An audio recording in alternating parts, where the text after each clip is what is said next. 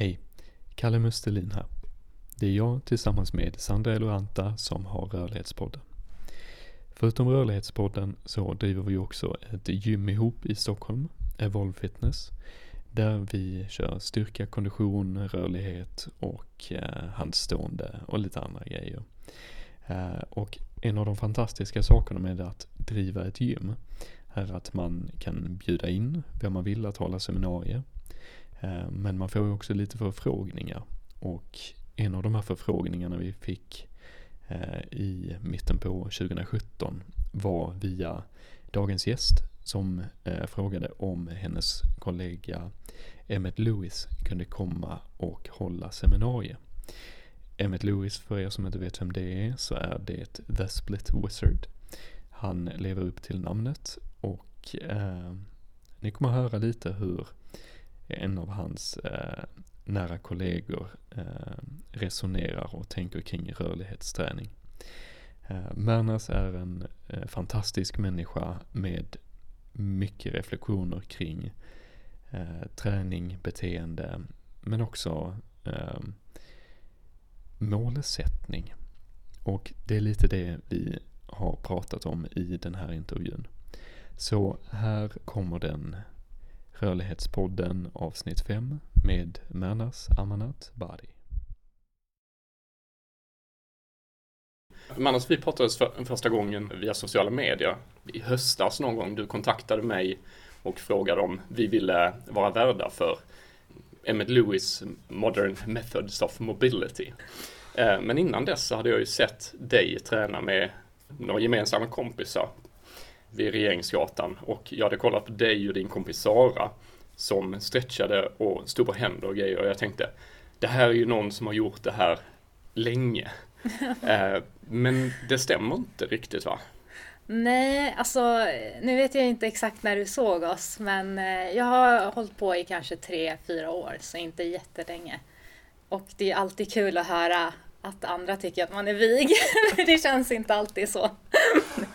men eh, ändå ganska nytt skulle jag säga för mig. Men du har hållit på eh, med rörlighetsträning i tre, fyra år, mm. säger du. Men, men det är inte så att du var, var helt otränad innan och kom utan träningsbakgrund. Nej. Kan du berätta lite om vad du gjorde innan? Det kan jag absolut. Mm, mm, mm. jag började ju... Ehm, jag har alltid spelat mycket sporter när jag var liten eh, och jag testade många olika sporter och sen fastnade jag för badminton. Mm. Och jag spelade det i ungefär 10-13 år kanske. Eh, på ganska hög nivå. vad eh, betyder Sverige, hög nivå? Alltså, mm, jag spelade liksom eh, elitnivå i, i Sverige men jag var aldrig med i landslaget, så strax under liksom. Och det är en extremt specialiserad form av träning. Men jag var ju stark i kroppen. Eh, och jag har ju, man får ju mycket annat. Eh, koordination och allting med liksom träningsvana och, och styrka och stabilitet hade jag väl ändå någorlunda.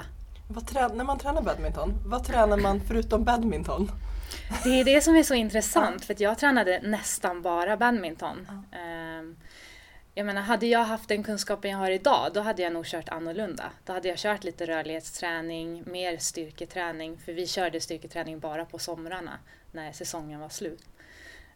Och mer kondition också. Men då var det ju väldigt mycket bara badminton. Och det är ju väldigt mycket utfall eh, och bara på ena sidan, eh, högra sidan för mig då eftersom jag är högerhänt. Så att jag var ju mycket starkare på högersidan än vänstersidan. Jag känner fortfarande av det idag. Okej, så det påverkar fortfarande din träning idag på något sätt? Eller? Ja, liksom, alltså jag kan ju känna i övningar jag gör eh, alla singelläggövningar, alla liksom axelövningar så är jag starkare på högersidan än på mm. vänstersidan. Om du hade haft de här kunskaperna, låt säga om du skulle tipsa någon som håller på med badminton eller någon annan racketsport idag. Mm. Vad skulle du råda dem att titta på, att lägga till i deras träning? Alltså mycket basic rörlighet och stabilitet. Um, för att stärka liksom leder, knän, fotleder, uh, axlar. Det är väldigt mycket knäskador i badminton till exempel. Så jag tror att stärka upp där är sjukt viktigt. Nu hade jag ju tur, jag var ju aldrig skadad Eh, under min tid. Men eh, jag var ju extremt ovig med alla mått eh, när jag började med gymnastik eller movement. Mm. Och hur, hur kommer det sig att du, att du valde att börja med det? Var det, någon, var det någon enskild händelse eller var det någon tanke som utvecklades över en längre period? Att du ville gå mot någonting som egentligen är ganska annorlunda från en väldigt tävlingsinriktad sport till rörelseträning eller movement? Mm. Alltså det, när jag först kom i kontakt med movement, det var faktiskt via min sambo som också är badmintonspelare på högre nivå. Han har varit i juniorlandslaget och spelade ett år i Malaysia. När, när han kom hem så var han väldigt, eh, han var skadad eh, under en väldigt lång period. Och eh, han letade mycket på nätet efter olika sätt att liksom rehabilitera sig och stärka kroppen och så. Och hittade Ido Portal. Så vi åkte på eh, en resa till Finland. Eh, Ido var väl, det var precis under den tiden som jag skulle säga i alla fall att han började bli riktigt känd. Och vilket år pratar vi om då? Det var ju typ fyra år sedan, så jag tror det var 2013 faktiskt. Mm. Eller 2014, nu är det 2018 ja. eh, jag var bara anmäld till en eh, workshop för det var liksom lördag, söndag, så var det en till måndag, tisdag. Men tyckte att den var så bra så jag stannade måndag, tisdag och gick på den andra också. Mm. Och det jag tror jag fastnade för mycket, det var väl ändå att eh, man kunde sätta mycket mål. För jag kommer ju från en extremt kompetitiv bakgrund. Eh, inte bara i träning utan i allt. Jag, jag tävlade liksom i skolan, om betyg och liksom allt var, var en tävling för mig. Och eh, med, med hela den här movement-grejen så fanns det att man hela tiden satte upp mål och försökte uppnå dem. Vilket gjorde att jag tyckte att det var väldigt kul i början. Sen ändrades ju det ganska mycket men det kanske vi kan prata om sen. Eh, absolut. Hur var eh, känslan att komma till ehm, Ido Portal och hans seminarier? Ja, alltså jag, man, man blev ju väldigt skärmad, det måste jag ju säga. Han är ju en extremt karismatisk ledare. Eh, och eh, alltså komma från ett, liksom, en sport, det, liksom föreningslivet där folk ställer upp på sin fritid och träna eh, människor och en person som verkligen har tänkt igenom sin träning och brutit ner grejer i minsta detalj för att kunna lära ut det till folk. Det var ju helt fantastiskt. Så det var väl mycket det jag fastnade för också. Och vad, och vad gjorde ni på det här seminariet? Det var dels eh, det här Movement X som var en blandning av styrketräning, eller vad ska man säga, egentligen mycket upper body strength. Eh, chin-ups, dips, basics eh, handstående, lite locomotion-grejer och sen eh, korsettprotokollet som är extremt inriktat på rörlighet då. Um, loaded stretching som man kallar det. Och vad är det för någonting? Det är ju att stretcha med någon slags vikt eller gravitationen använda gravitationen för att göra det tyngre skulle jag säga eh, i många övningar. Och då var väl det hyfsat eh, nytt. I alla fall för mig var det helt nytt. Eh, man kände ju till sig yoga och, och sådana former av stretching där man bara passivt ligger i en position. Men här var det att man, man aktivt liksom rörde sig och eh, ofta hade vikt inblandat i stretchingen. Jag tänker för folk som eh, lyssnar på det här då kanske och inte är jätteinsatta i i movement. Och så, det, är, det är liksom en term som man hör om mer och mer tycker jag. Det har liksom blivit populärt på ett annat sätt nu än det kanske var för fem år sedan. Mm. Om man skulle försöka se på och förklara för någon som aldrig har hört talas om vad, vad, vad är det ni gör? Hur skulle du definiera, kan man definiera movement, träning? Eh, på något sätt? Hur, hur ja, och jag, jag, skulle säga att det är olika beroende på vem som säger det. För ja. jag tror Ido Portal hade ju en, han, eller har fortfarande en väldigt specifik idé om vad movement är. Mm. Ehm, men jag tror att när, eh, när vi vanliga människor använder det så är det nog en term för att beskriva att man tränar väldigt många olika eh, saker och tar inspiration från många olika discipliner och sen eh, utvecklas inom det kan vara allt från liksom handstående, bodyweight training, eh, det kan vara olympisk lyftning, eh, det kan vara... Så det är inte alltid bara kroppsviktsövningar utan som du beskrev tidigare så kan man använda vikter som hjälp för... Ja, verkligen. Eh, sprinta, allt möjligt mm. egentligen. Mm. Det är ju en term för att beskriva att man gör allt lite grann, skulle jag säga. Nu, det, var, det här var 2013 mm. och nu har det gått en fyra fem år sedan dess. Och var är du nu i din träning? Och du tränar tillsammans med eh, Emmet som jag nämnde som kom hit och eh, hade sitt seminarium. Mm. Berätta om ert samarbete och hur du tränar. Va, vad händer där?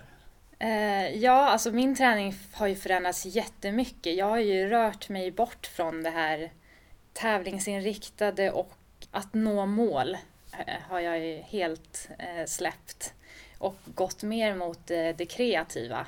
Och jag tror Emmet inspirerade ju mig mycket i det eftersom han själv har en cirkusbakgrund och jobbar mycket med olika kreativa, alltså handbalanserare, um, arealister och cir mycket cirkusmänniskor. Så nu eh, kör jag mycket dans. Eh, jag går på aerial silks som är att man hänger i så silken och gör konster. Och jag kör mycket bara träning för att må bra och eh, utvecklas men inte med något specifikt mål på samma sätt som jag hade förut. Att jag ska göra en masselapp eller handstående på ett visst sätt. Liksom. Ja, vad kul, för det var någonting som jag ville prata med dig om nämligen, just om du hade några mål. Men det är jätteintressant att höra att du liksom eh, med din bakgrund, du kommer från som du sa den här bakgrunden där man har väldigt tydliga mål och liksom hur man ska utvecklas. Men att, att du ser på det väldigt annorlunda för det är ändå någonting som man ofta, liksom när folk börjar träna så så kanske de träffar en PT eller vad det kan vara liksom, som säger så här, nu ska vi sätta upp dina mål. Mm. det är mm. liksom A och O för att för att man ska kunna träna. Men jag tycker det känns jätteroligt att höra liksom, att du har en annan eh, approach till det. Som, det behöver inte alltid vara liksom dag fem ska jag göra det här, dag tio ska jag klara det här och om tio månader så ska jag göra det här. Nej. Utan att man kan faktiskt bara träna för att det är kul. Och tycker man att det är kul så kommer man ändå utvecklas. Och det i sig kan vara målet. Ja. Att utvecklas i en takt som man, man går med flödet så att säga och bara låter, låter det ske. Mm. Känns kul. Jag håller med dig jättemycket om det. Mm. Och jag känner ju att jag utvecklas jättemycket. Jag menar, jag vill ju bli bättre på dans och på areal mm. och jag vill ju mm. utvecklas i handstående och sånt mm. också. Mm. Och det blir jag utan att konkret hela tiden eh, liksom targeta specifika övningar som är just för det. Hur har den mentala processen gått från målinriktning till det kreativa? Det har ju varit en jättelång process eh, och eh, tufft också att byta inställning. Men jag, har ju tränat, jag tränade ju med M1 i två, två år körde vi liksom movement eh, eller gymnastik inspirerad träning. Och det jag skulle säga att jag fick ut mest under den tiden, det var ju just ändringen av mindsetet. För vi jobbade indirekt mycket på sånt. Eh, det fick mig liksom att ställa mycket frågor till mig själv. Varför gör jag det här? Varför tränar jag på one arm chin-ups nu? Vad ska jag använda det till? Sen fick jag också en skada i axeln och jag tror det fick mig att fundera också ännu mer på sådana grejer. Vad är, vad är värt? Hur mycket är man villig att liksom chansa och, och offra för att få en viss skill? Vad ska det ge mig i slutändan? Liksom? Och med m eh, hur jobbar ni ihop idag? För du kontaktade ju mig som jag sa här i början av ja. intervjun. Eh, det var inte m eller hans eh, sambo som eh, kontaktade mig, det var du. Ja, ja alltså m och jag vi vi, jag gick ju på många seminarier med honom och um, vi tog även semestrar liksom med honom och uh, hans uh, tjej då, uh, Elise, där vi var på European Juggling Convention och, och annat. Så vi träffades mycket och vi pratade väldigt mycket. Och det blev liksom att jag blev mer och mer intresserad av att lära mig mer om, om träning och varför han jobbar som han gör. Och, Eh, jag fick se mycket hur han också förändrade sin träning. Så eh, det var någon gång när han sa att han hade väldigt mycket att göra så sa jag men jag kan, jag kan hjälpa dig liksom. Så jag började med att mm, stödja honom liksom administrativt med mycket grejer. Och sen har väl det mm, flutit in i att eh, ja, nu senast på, på Amsterdam-workshopen så var jag med som assisterande coach. Eh, och jag har även coachat en del av hans eh, svenska studenter här i Stockholm vid ett par tillfällen och så. Så det är jättekul. Nu när du berättar eh, hela den här bilden av dig själv som elitidrottare, som movement specialist kan jag nästan säga efter fyra år och har träffat en otrolig massa människor Eh, som håller seminarier så får jag i alla fall en bild av dig som elitidrottare. Det här är det enda du håller på med. Men, men du gör annat också. Ja, verkligen. Det här är ju, det här är ju liksom eh, en hobby. Eh, jag jobbar som programmerare. Så jag sitter still större delen av dagen. Men sport har ju, alltså idrott har ju alltid varit en stor del av mitt liv. Det har det ju varit. Men jag tränar ju inga extrema mängder. Speciellt inte nu. Eh, jag kör tre danspass i veckan och sen kör jag lite gym och lite rörlighet vid sidan av liksom. Eh, så att eh, nej, jag, och jag, skulle inte kalla mig specialist heller. Men eh, jag tycker att det är väldigt kul. Och framförallt också träffa människor som är intresserade av träning och prata om olika approacher och lära sig saker. Det är ju väldigt spännande. Hur skulle du definiera rörlighet? Om du skulle få göra det. Åh oh, gud vad svårt. Um, jag skulle nog ha samma svar som när folk pratar om funktionell träning. För det är en sak som irriterar mig väldigt mycket. Rörlighet måste sättas i kontext. Precis som alla andra ord. Eh, rörlighet för en badmintonspelare är inte samma sak som rörlighet för en kontorsionist. eller en gymnast. Så på vilket sätt är, hur, hur skulle du, i vilket kontext skulle du sätta rörlighet när det kommer till din egen träning? Varför är det viktigt för dig i det som du gör nu? Mm, jättebra fråga. Det är faktiskt intressant för att när jag började dansa då fick jag omdefiniera rörlighet för mig själv. Tidigare så var det att jag, eh, jag hade liksom mål att jag skulle komma ner i front split, side split, pancake, ha en brygga och så vidare. Och sen när jag började på dans och, och areal så insåg jag att liksom, det är inte de här end positions som jag behöver utan jag behöver kunna röra mig fritt och jag behöver vara rörlig kall i princip utan uppvärmning. Så för mig idag så är ju rörlighet att jag kan att jag kan vrida ut knät i, i balletten så att jag kan göra en piruett. Eh, det är att jag kan göra en, liksom, ha en bra pancake för att eh, i arealen kunna lyfta upp mina ben så att jag lättare kan komma in i vissa positioner. Så att, ja, det är väldigt olika och jag tror i badminton hade jag inte haft användning för en split eller, eh, eller de här, liksom en brygga. Utan där handlar det ju mer om att ha rörligheten kanske för att kunna ta stora steg, eh, göra stora lunges och kunna rotera upp kroppen bra för att få igenom ett bra slag. Så väldigt sportspecifikt egentligen kan man tänka kring rörlighet. Och det, ja, sportspecifikt eller ja, vad, vad man gör. Ja. Jag menar har man ingen, eh, ingen plan på att sporta speciellt mycket så kan man ju fortfarande ha nytta av rörlighetsträning. Mm, jag, vill, jag vill kunna sätta mig ner på huk och jag vill kunna ta mig upp från golvet om jag någon gång skulle trilla. Eh, och, och, det är ju funktionell träning för någon som inte har en plan på att träna. Mm. Och, eller ja, funktionell träning eller rörlighetsträning. Absolut. Sen kan du ju också, alltså om du inte har dans eller något annat som du jobbar specifikt för, då kan du ju vilja ha splitten för att det är nice. Alltså, det är kul det kan att kunna. Vara ett mål, ja, det kan vara ett mål i sig och det, det är helt fantastiskt om man jobbar mot det. Liksom.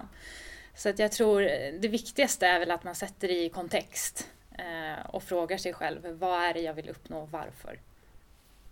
Men har du någon, har du någon favoritrutin själv för att uppnå eh, vighet för det som du behöver det till idag? Liksom, har, du någon, har du någon favoritmetod som du liksom... Uh, ja, alltså jag använder mig ju väldigt mycket av vad jag har lärt mig av Emmet eftersom jag har jobbat med honom så länge.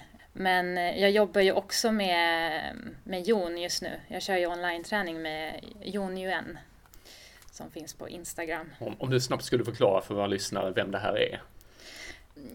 Jon är ju en person på, på, på, sociala medier som har fått väldigt mycket uppmärksamhet för att han rör sig helt fantastiskt. Och alltså, han delar ju mycket med sig bara av sig själv, vad han gör. Och promotar väl inte någon jättespecifik eh, metod eller så. Men eh, det han gör är så vackert att titta på.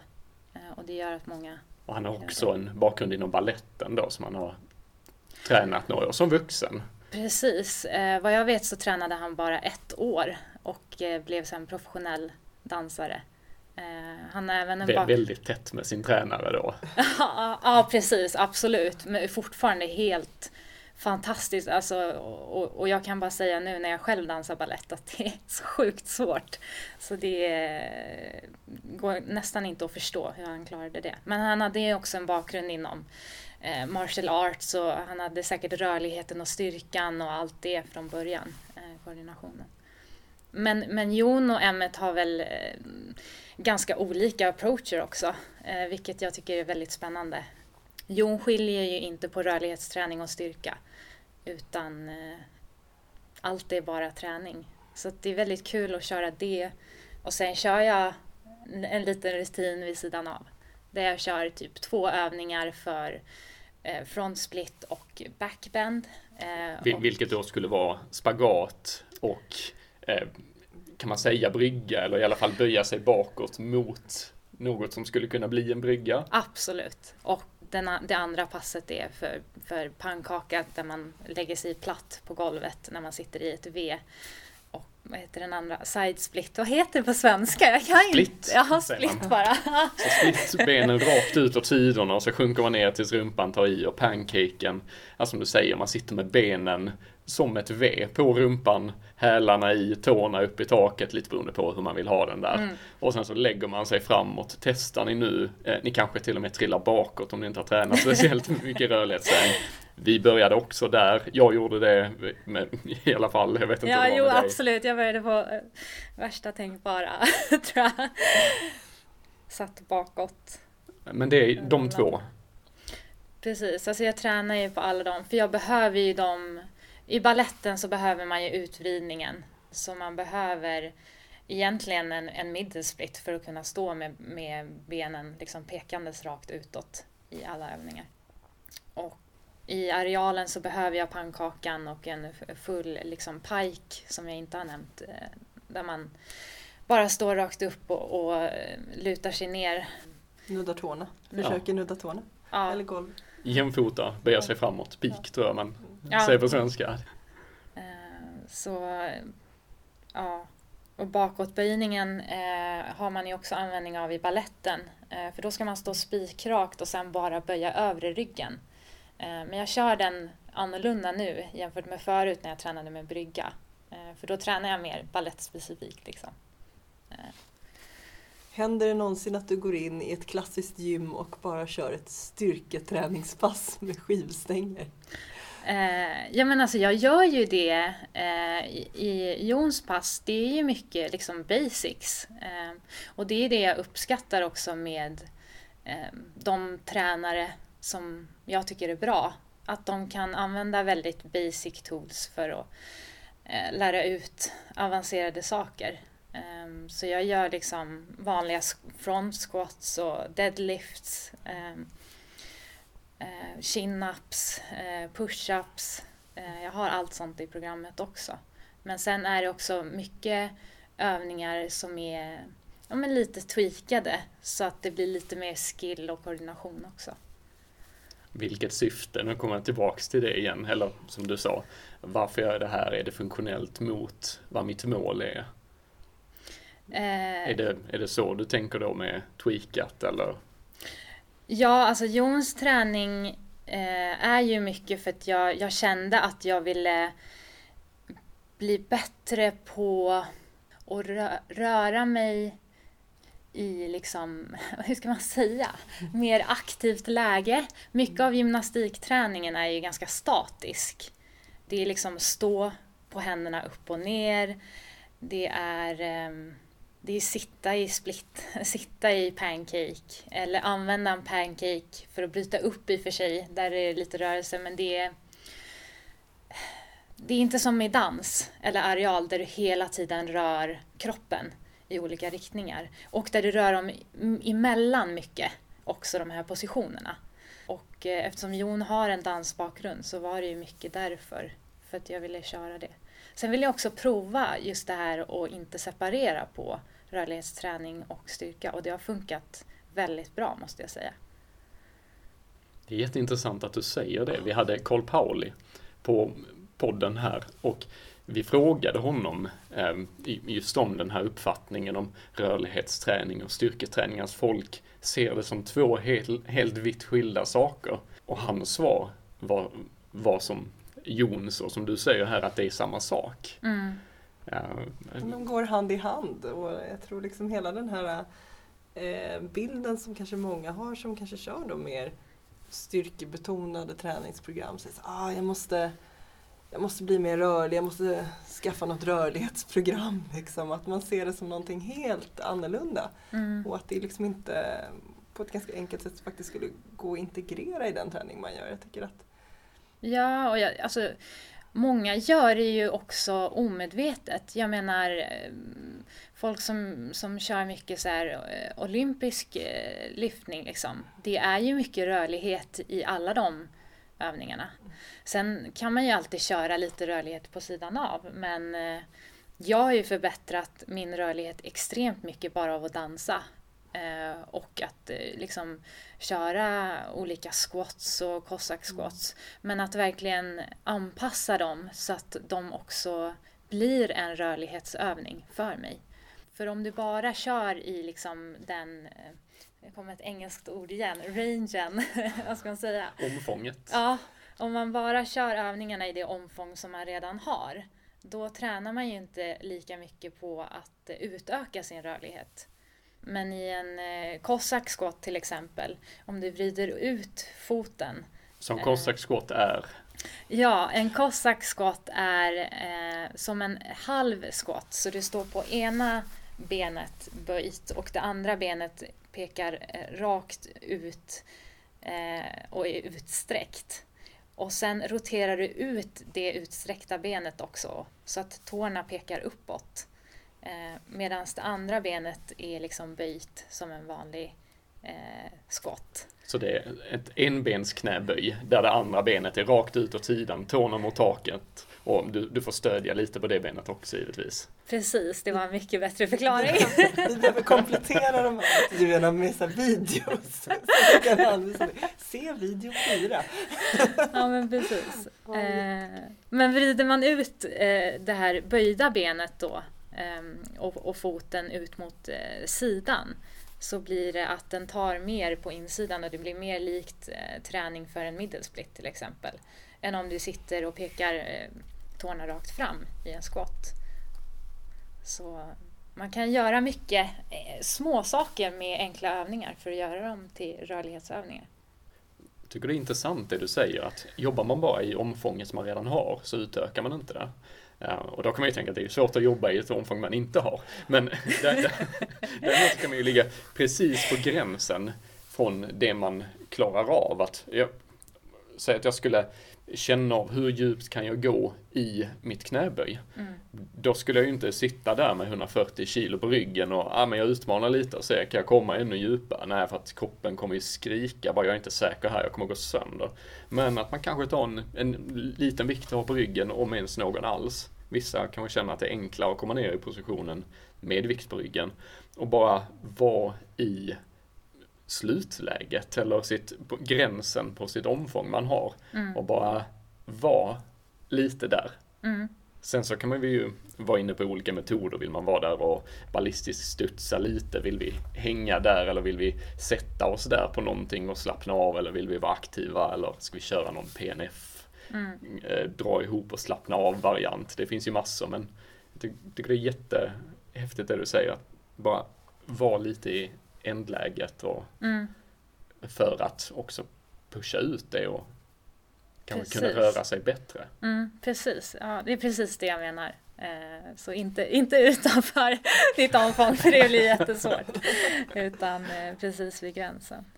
Jag tänkte på en annan sak. Du, du träffar ju väldigt mycket folk liksom, när du är ute, dels med hemmet och liksom, när du tränar själv sådär som, ehm, Ehm, ja, som också tränar och som jobbar på att bli bättre i sin rörlighet. Finns det någonting generellt som man kan säga om, om folk som du träffar som du ser, det här är ett generellt mönster, folk skulle behöva kanske jobba lite på att utveckla sin rörlighet i, i den här aspekten. Finns det någon sån? Alltså några generella trender i vad, vad folk som du träffar skulle kunna bli bättre på? Ja, alltså det skulle nog inte vara en specifik övning utan då tror jag det är mer mindsetet. Dels träffar jag, eller har träffat väldigt mycket människor som kanske inte är så rörliga från början. Precis som jag själv inte var när jag började. Eh, som har satt väldigt höga mål. Eh, jättekul liksom. Eh, split och allt vad det kan vara. Men som blir besvikna för att de inte har gått framåt den senaste träningen eller veckan eller månaden. Eh, så, och jag tror att det mindsetet ibland kan eh, vara negativt för ens utveckling. Eh, så jag brukar liksom försöka prata om att det är okej. Det är okej att känna att man inte utvecklas hela tiden. Det är okej att, eh, att känna att man går bakåt ibland till och med. Eh, Och att man ska tänka lite mer långsiktigt. Och igen fråga sig själv, varför vill jag ha det här? Och behöver jag det här? För i slutändan ska det vara processen. kul. Ja, Ja, det ska ju vara roligt. Eh, och vad är poängen liksom att gå till gymmet och må dåligt? Tre dagar i veckan eller fem dagar i veckan. För att man om fem år möjligen kan nå ett mål. Men jag håller fullständigt med dig. Att det här är något vi har pratat väldigt mycket om på sista tiden. Att man måste på något sätt njuta av processen. Mm, Annars är det kanske svårt ibland att, att hålla, hålla motivationen uppe. mm. Och det är väldigt lätt idag tror jag att jämföra sig också med andra människor liksom. Och speciellt på sådana här olika workshops och seminarier. Jag menar, det har också ändrats mycket de senaste åren tycker jag. Man ser att folk tränar mer rörlighet och sådär. Så man kan komma till en, eh, ett seminarium, jag var på Fighting Monkey till exempel. Där alla hade bakgrund inom martial arts och dance. Och liksom folk, innan seminariet hade börjat så satt, satt ju folk i helt sjuka positioner. Och jag kände mig så fruktansvärt ovig liksom. Men det, här, det här får mina tankar genast till en sak. Eh, då när du säger det. De här seminarierna som vi har pratat lite om och som du nämner, liksom specialistseminarier. Liksom det kommer experter i något, något visst ämne och, och håller kurs. Är de för alla? Kan alla vara med? Jag kan tänka mig att det kan vara lite läskigt om man kommer till ett sådant seminarium. Man själv har svårt att ställa sig upp kanske man sitter på marken och så ser man de här som sitter i alla möjliga positioner. Vad skulle du säga? Eh, De seminarier som du är med och ordnar, liksom, kan vem som helst vara med? Absolut, det tycker jag verkligen. Jag tycker att alla kan vara med på, på alla de här seminarierna. Eh, I alla fall de jag går på är, är ju alltid öppna för både nybörjare och eh, eh mer avancerade. Och jag tror att de flesta tränare idag anpassar också sådana här workshops för att det ska vara mer eh, principer och inte någon specifika övningar som kräver liksom vissa förutsättningar för att kunna göra utan att alla kan köra på sin nivå och utvecklas därefter. Men man måste också mm, känna sig okej med att, att man kanske inte är bäst. Och att eh, saker kan kännas lite jobbiga liksom. Men eh, där tror jag det handlar mycket om att experimentera och försöka hitta liksom en position som är bekväm som man kan jobba i. För hittar man det, då kommer man jobba på det. Och jobbar man på det så blir man bättre det här får ju mig att tänka på när du och Emmet var hos oss på Evolve i eh, oktober 2017 och vi tog med vår eh, huvudtränare eh, Anthony Sullivan. Han har 17 års bakgrund som rugbyspelare och för alla som har kollat på rugby så vet man att det här är inte snällt mot kroppen. Man, man kommer vara ganska stor, man kommer vara explosiv, eh, du kommer få smällar. med sig. Jag menar, han har ju slitit av alla möjliga muskler och fått sy fast dem igen och skicka tillbaks axlarna i där, där de ska vara. Och vi säger, låt oss gå på movement-seminarium. och, och han tittar ju förskräckt och bara, ja, jag, jag kommer gå sönder. Och kan den här killen som, när jag började jobba med honom, eh, han, han, ställde sig i den här piken som vi beskriver det de flesta kanske tänker på rörlighet som att man står ihop med fötterna, böjer sig framåt, försöker nå tårna. Och han kom till knäna och sen var det där någonstans var han. Han var på det här seminariet. Mm. Och han i efterhand så har han ju sagt, han bara Kalle, um, we, need, we need, need to get Emmet to come here again. Mm. Uh, och han gillade det verkligen. Och han fick genombrott också. Jag tror att framförallt visade det för honom att det går att med metoder, eh, genomtänkta metoder, så går det att förbättra sig. Även om han inte blev världens vigaste människa på, på två heldagar så insåg han att det finns saker att jobba mot. Och honom får vi intervjua vidare när han har lärt sig svenska ordentligt. Eh, Tio år! Eller han tolk? Men i alla fall, han är en live-tolk. Och, eh, och, och då så kommer han troligtvis också kunna vara en historia som vi kan berätta, en framgångshistoria, för han håller på och gör en otrolig resa. Och på tal om skador, så du, du nämnde innan en axelskada mm. eh, i samband med någon rörlighetsträning eller styrketräning. Berätta vad det var och vad, vad lärde du, du dig av den? Ja, alltså jag fick den för ungefär ett år sedan och det började med att jag kände liksom smärta i axeln, inte under träningen utan efter. Och jag har ju tränat liksom på hög nivå. Så skador, alltså lite, lite smärta är, är ingenting som jag tar seriöst, eller gjorde förut. Utan jag körde på och jag kände liksom att det ömmade efter handstående och efter eh, pull-ups och övningar där jag liksom använde axeln. Men, eh, men det var inte så att jag inte kunde göra övningarna. Och sen fortsatte jag liksom tills det, en dag när jag vaknade upp och jag inte kunde lyfta armen det gick liksom, det var en, väl någon eh, slags akut inflammation eller någonting. Så det gick väl över. Mer eller mindre, men jag hade kvar så att jag inte kunde liksom lyfta upp armbågen först och sen resten av armen. Och när jag dansade och körde areal så kände jag liksom att det började ömma under passen också. Så då sökte jag hjälp ingenting funkade riktigt. Jag minskade på träningen. Det blev liksom väldigt sakta bättre, men ändå inte bra. Det var faktiskt bara för några veckor sedan som en, eh, en kompis som läser till naprapat rekommenderade en kille som specialiserar på axelskador för handbollsspelare i Sverige. Han forskar inom det. Martin Asker heter han. Och eh, jag gick till honom och fick tre övningar som jag skulle göra i två veckor.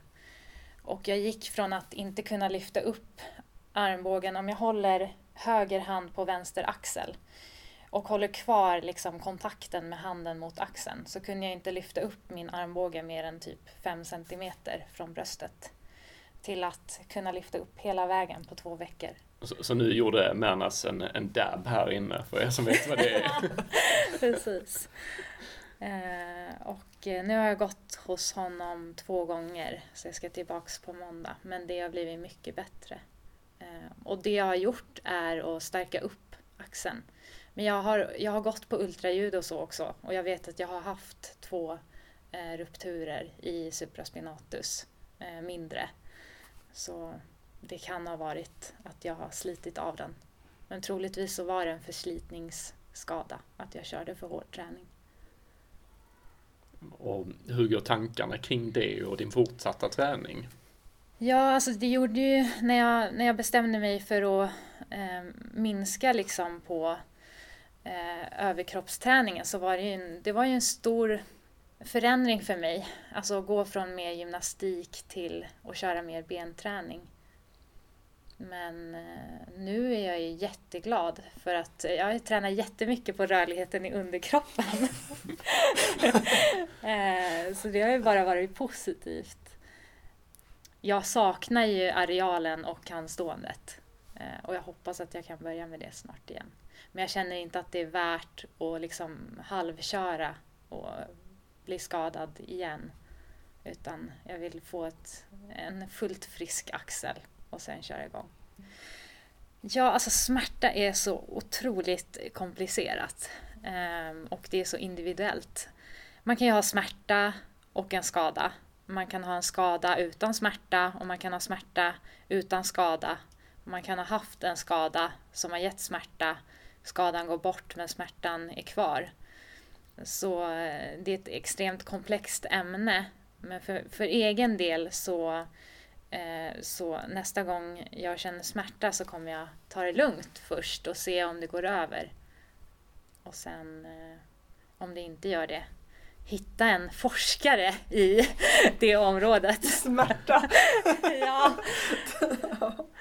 Kanske inte som, jag tror att må många, inklusive jag själv, när jag varit skadad, är lockade att bara kolla upp själv. Jag ska klara det här själv. Livsfarligt. Googla aldrig en skada. Det kommer sluta med att du har cancer eller du kommer dö.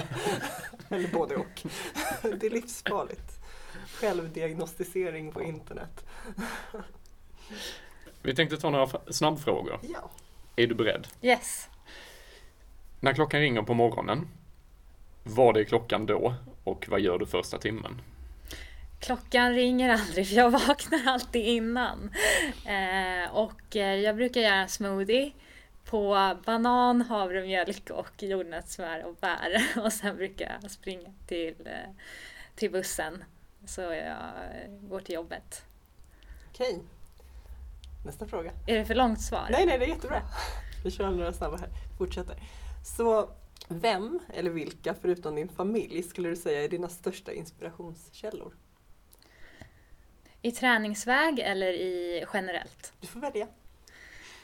Mina största inspirationskällor är människor som är ödmjuka och vågar vara sig själva.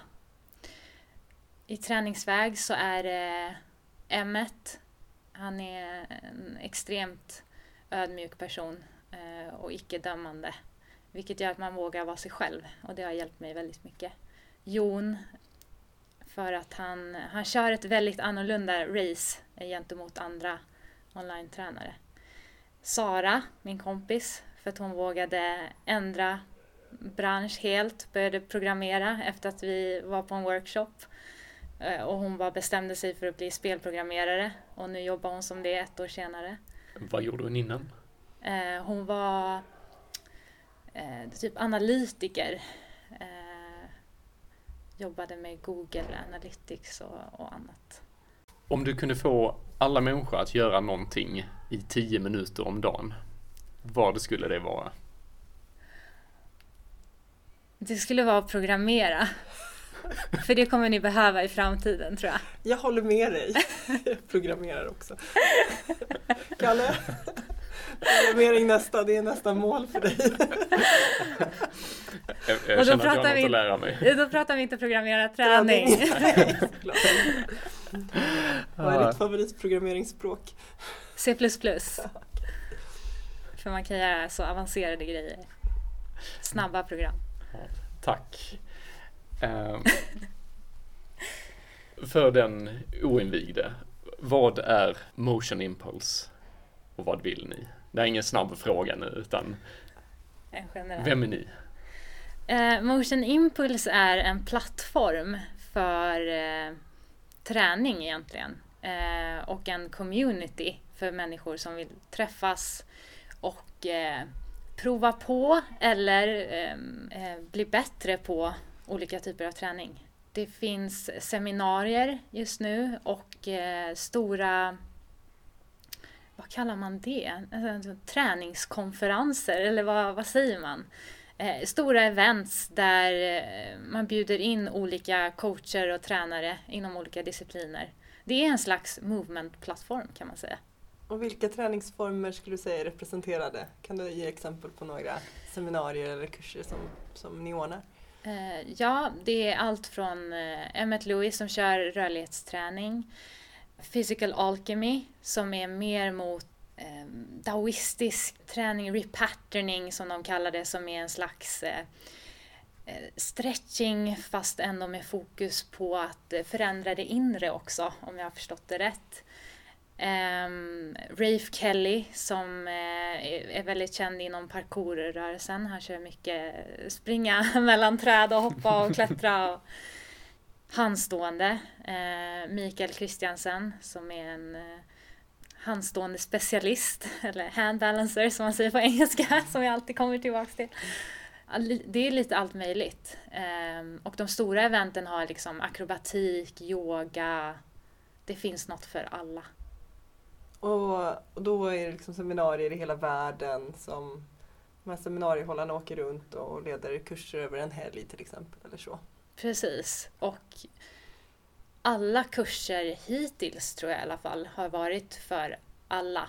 Eh, både nybörjare och personer som har eh, tränat någonting under väldigt lång tid.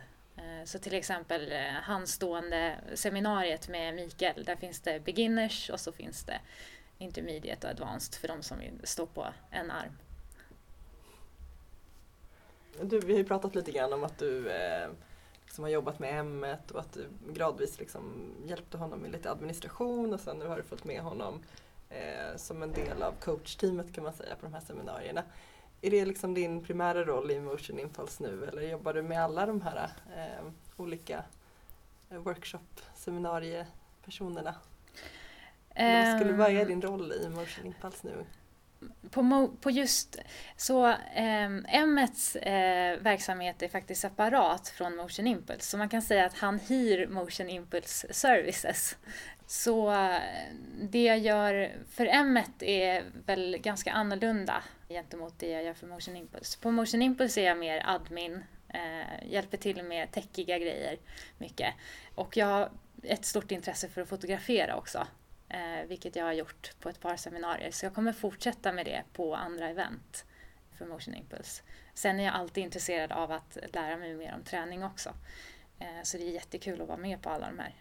Samarbetet med M1, där går det väl lite mer mot eh, coachning kanske. Vi får se. Ehm, jag är med i lite olika projekt där och eh, vi får se hur det ser ut.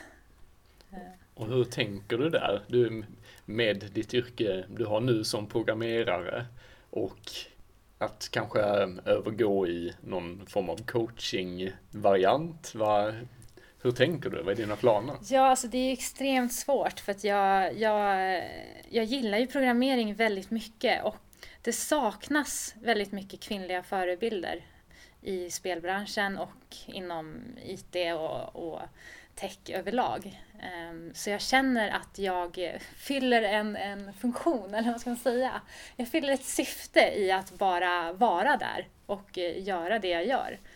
Vilket gör att jag gärna stannar kvar. Men eh, jag tycker också träning är extremt spännande. Och jag har ju extremt svårt att eh, vara kvar på platser. nu har jag ju varit eh, fyra år på mitt nuvarande jobb. Eh, men tidigare var rekordet ett år och sen bytte jag bransch. Så att eh, man vet aldrig. Du pratar om det här med eh, programmering och att du fyller ett syfte i den världen. Det finns en del projekt för att framhäva och inspirera kvinnor till att programmera där jag sett att du har varit en del av. Kan du berätta lite om det? Ja, alltså det, det ligger mig väldigt nära om hjärtat. Eh, jag har varit med i projekt som Tekla som var ett stort projekt med Robin eh, som är en känd artist och KTH där man försökte få unga tjejer att eh, programmera i ett liksom coolt forum då med kända artister och så. Ehm, jag har varit med på Tjejer kodar som är ett forum för vuxna kvinnor ehm, som vill Eh, lära sig programmera eller utveckla sina kunskaper i programmering.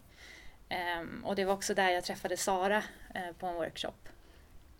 Eh, och sen har jag varit med och föreläst på Women in Tech och haft projekt med Kodcentrum som jobbar som volontärer för att utbilda barn i programmering utanför skolan. Så jag är involverad i väldigt mycket sånt och jag tycker att det är väldigt spännande. Det finns väldigt mycket projekt för att få fler kvinnor i näringslivet på höga positioner. Men det finns inte lika mycket initiativ för att promota kvinnor i specialistroller.